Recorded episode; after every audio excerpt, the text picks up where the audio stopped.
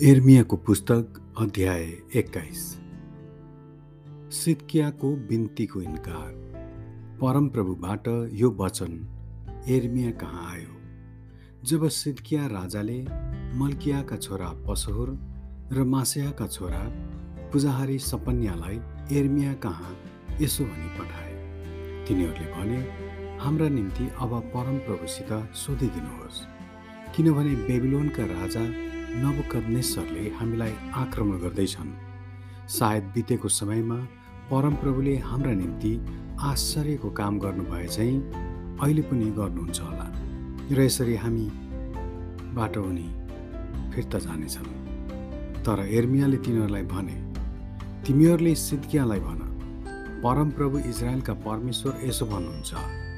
लडाइँका जुन हतियारहरू तिमीहरूका हातमा छन् र पर्खालका बाहिर तिमीहरूलाई घेर्ने बेबिलोनीहरू र बेबिलोनको राजाको विरुद्धमा जुन हतियारले तिमीहरूलाई लडाइँ गर्छौ ती म तिमीहरूकै विरुद्धमा चलाउनेछु।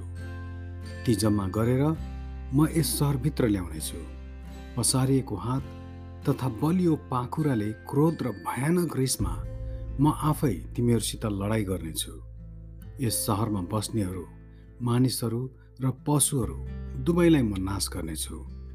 र तिनीहरू भयानक रूढीले मर्नेछन् परमप्रभु भन्नुहुन्छ त्यसपछि यहुदाको राजा सिद्किया त्यसका अधिकारीहरू रूढी तरवार र अनिकालबाट बाँचेका यस सहरमा हुने मानिसहरूलाई बेबिलोनको राजा नबुकदनेश्वर र तिनीहरूका ज्यान लिन खोज्ने शत्रुहरूका हातमा म सुम्पिदिनेछु।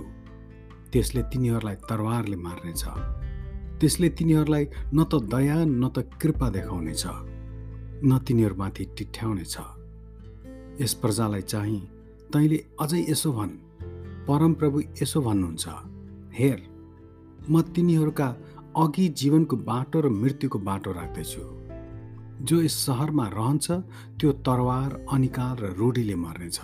तर जो बाहिर निस्केर तिमीहरूलाई घेर्ने बेबिलिनीहरूका हातमा आत्मसमर्पण गर्छ त्यो बाँच्नेछ त्यो आफ्नो प्राण समेत उम्कनेछ मैले यस सहरलाई नोक्सान गर्न निश्चय गरिसकेको छु। भलाइ गर्न होइन परमप्रभु भन्नुहुन्छ। यो सहर बेबिलोनका राजाको हातमा दिइनेछ र त्यसले यसलाई आगाले भस्म गर्नेछ। अनि यहुदाको राजकीय घरानालाई अझै यसो भन् परमप्रभुको वचन सुन।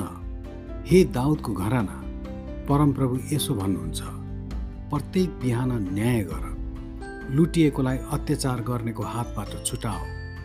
नत्र त तिमीहरूको कुकर्मको कारणले गर्दा मेरो क्रोध आगोले झैँ दन्कनेछ कसैले निभाउन नसक्ने गरी त्यो दन्कनेछ म तेरो विरुद्धमा छु।